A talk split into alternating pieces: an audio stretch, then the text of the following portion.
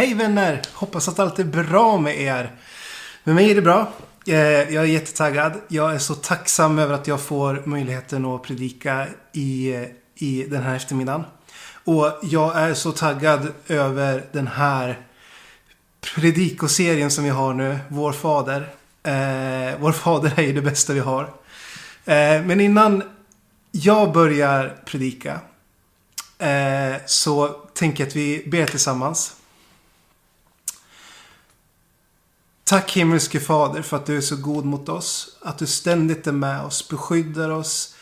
Att du ser oss. Du har satt ett värde på oss Herre. Du har satt ett så stort värde på oss. Att vi är dina dyrbara ögonstenar Herre. Herre vi tackar dig för att du har adopterat in oss i din familj. Att vi får vara en kunglighet. Att vi får vara en prins eller en prinsessa. Herre, jag ber att mina ord ska få vara dina ord. Men jag ber Herre också om att de som lyssnar får förmågan att filtrera bort det som kommer ifrån mig och det som kommer ifrån dig. Herre, var med oss hela den här gudstjänsten och vi tackar dig för alla som har varit med och satt ihop den här gudstjänsten. Och Herre, jag tackar dig för alla som kommer att se den här predikan, Herre. Jag ber om att du är med dem, beskyddar och bevarar dem. Amen. Yes, jag kommer predika utifrån Låt ditt rike komma på jorden så som i himlen. Och när jag var liten grabb så tänkte jag att himlen var Guds rike. Ni vet, jag fick höra att det var guldgator och man fick äta hur mycket man ville. Eller man behövde inte äta någonting alls överhuvudtaget för att man hade inte sån känsel. Man hade liksom inte hunger. Folk sa att det inte fanns sjukdomar och det fanns inga skador, ingen trötthet och ingen gammel som var där och, och förstörde. Vet, stela ryggar och nackar och fötter som inte vill fungera som, som man vill. Alla var sitt bästa jag. Alla hade fest. Det var jubel och det var dans. Och jag kunde tänka mig Jesus sitta där med en krona på huvudet. Han satt där tillsammans med en jätte, jättefin kungakrona. Och jag kunde tänka mig den här tanken att tänk om Jesus vill du bli min vän? Alltså tänk om vi kunde spela fotboll och grejer. Ja. Ett av mina minnen när min pappa gick bort för några år sedan var när jag åkte till sjukhuset och jag skulle ta farväl till min pappa.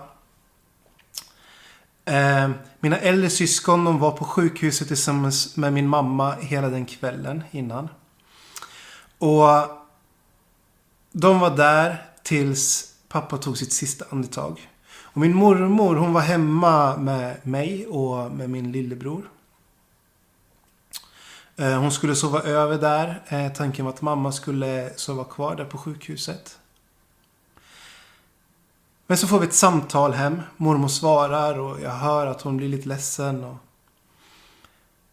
eh, direkt när samtalet kom så kände jag liksom att okej, okay, det här känns inte riktigt rätt. Det känns inte riktigt bra, men... Vi blir hämtade, eh, jag och min lillebror. Vi eh, åker till eh, sjukhuset. Vi möter en läkare som tar med oss in i anhörigarummet. Vi sätter oss där och vi förstod ju i rummet vad som hade hänt och vi såg ju på allihop att de var ledsna och vi började också gråta såklart, jag och min lillebror och Ja, ni vet. Det blir ju en märklig känsla. Så är det ju. Um,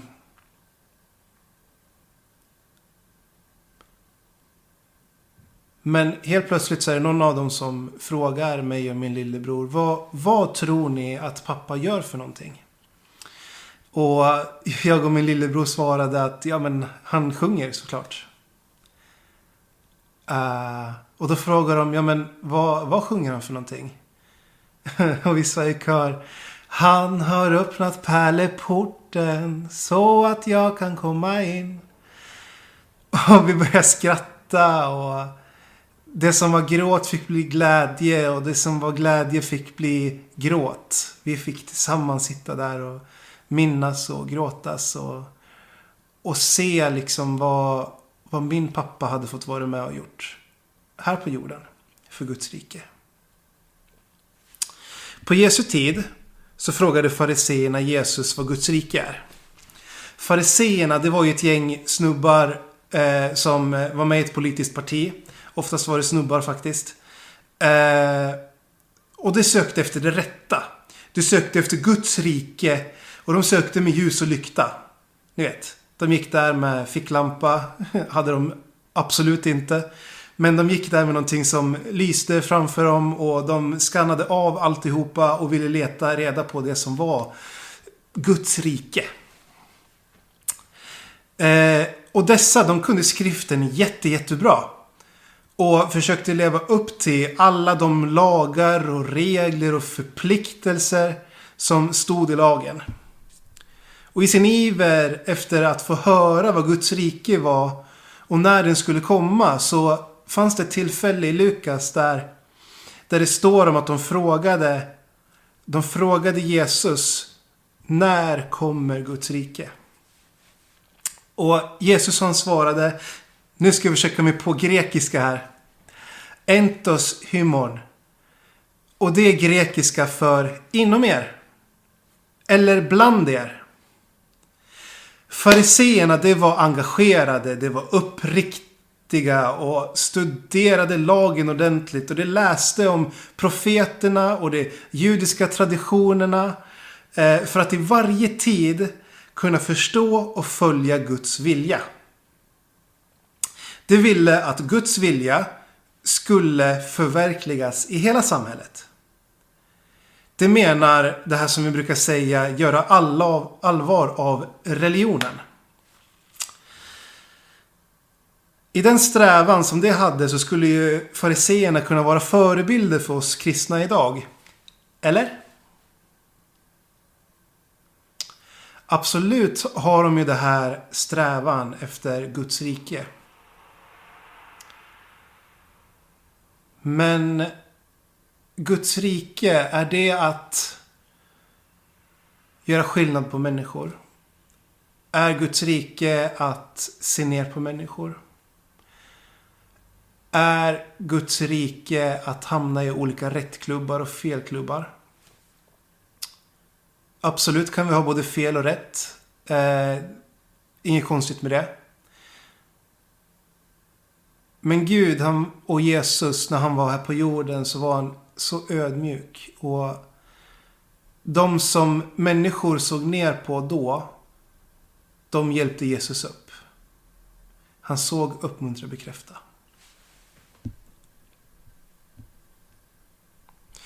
Fariseerna, de kunde inte se Guds rike. De väntade att se, att se det här. Eller möjligen någon annanstans. För det kunde inte se Guds rike inom er. Alltså inom oss. I våra hjärtan. I Rachamim. Alltså Guds nådar. Ett förnyat sinne. Leva i anden.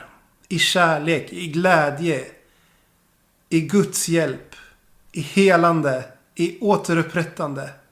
Att Guds rike kunde vara mitt ibland er redan här och nu. Guds rike är här mina vänner. Entos hymon inom er ibland oss. När vi säger ja till Jesus. När vi lägger våra liv i hans trygga händer så är han med oss. Han är trofast. Han är med oss hela tiden.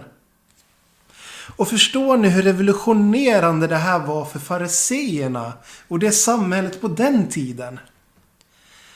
Jag kan tänka mig att det kanske inte alls höll med. De trodde att Messias skulle komma ridande in på en häst. Med svärd och grejer och rädda hela Israels befolkning. De trodde att Messias var räddaren som skulle befria Israel från förtryck. Men Guds plan var mycket större än så. Nu är ni varken man eller kvinna, slav eller fri, rik eller fattig. Ni fattar? Vi är alla en och samma. Guds plan var mycket större. För Jesus, han kom ner till jorden för att alla, alla människor som tror på honom, som tror på honom, skulle få ta del av hans kungarike. Kungarike, visste du att du var ett barn? Visste du att du tillhör en kung? Att du är adopterad in i hans rike? Jo, det är sant. Du är adopterad in i hans rike. För när du sa Jag tror att du dog och återuppstod för mig, mina synder och skulder. Du är min Herre. Så blev du adopterad in i Guds familj. Du är alltså en liten prins eller en liten prinsessa. Förstår du hur mycket värd du är för honom? Du kanske tycker att du är smutsig ibland. Du kanske tycker att du gör fel. Du kanske tycker att andra gör fel. Du kanske tycker att mormor gör fel. Men vet du? Han ser oss för dem vi är. Han älskar oss för dem vi är. Och när vi responderar genom att säga ja till honom. Då är vi Guds barn. Och han ser på dig för den du är, för du är en fantastisk skapelse. När vi ber delen Låt ditt rike komma och din vilja ske på jorden som den sker i himlen. Så blir vi alltså påminda om att Guds rike också är här. Man skulle kunna säga att vi är Guds representanter här på jorden. Vi är kungligheter som är på jorden för att utföra ett kungligt uppdrag. Men vad är det för uppdrag som vi ska utföra? Jo, gör alla folk till lärjungar. Döp dem i Faderns, Sonens och den helige Andens namn. Men du kanske tänker så här.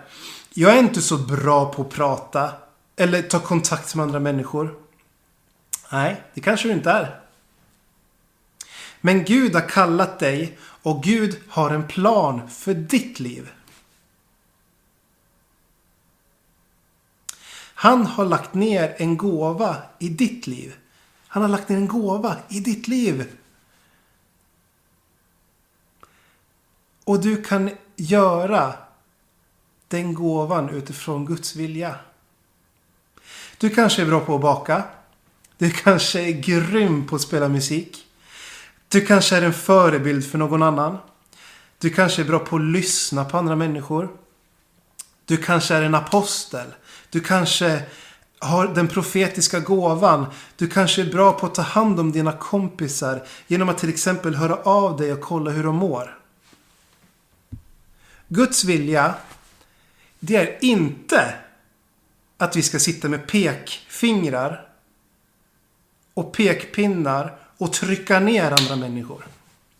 Guds vilja är inte heller att upphöja andra människor. Förstår ni? Inte upphöja andra människor. Guds vilja är inte splittring.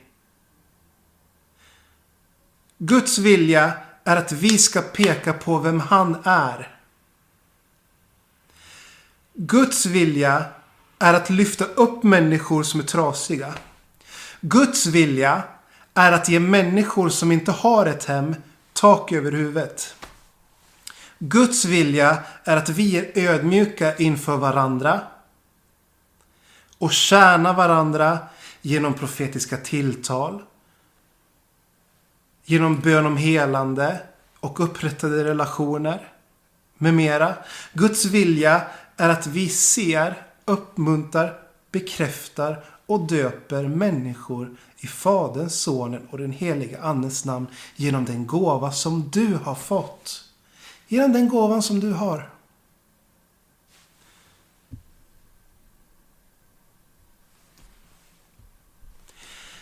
I början av min predikan berättar jag om hur himmelriket blev berättat för mig när jag var liten.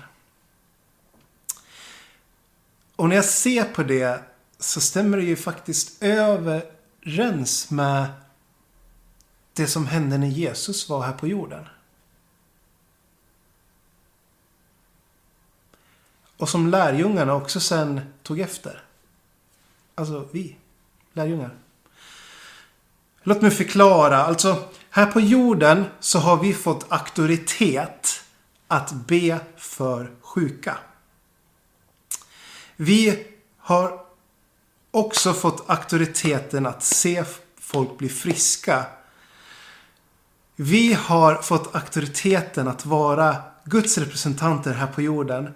Och det kan vi vara till exempel genom sportorganisationer med kristen profilering där ledarna är Guds representanter och en del av Guds rike här. Och det kanske är den första eller den enda kontakten med en person som representerar Guds rike här på jorden. Eller som min pappa till exempel. Han använde sin gåva. Han var sångare. Och han arbetade med socialt arbete.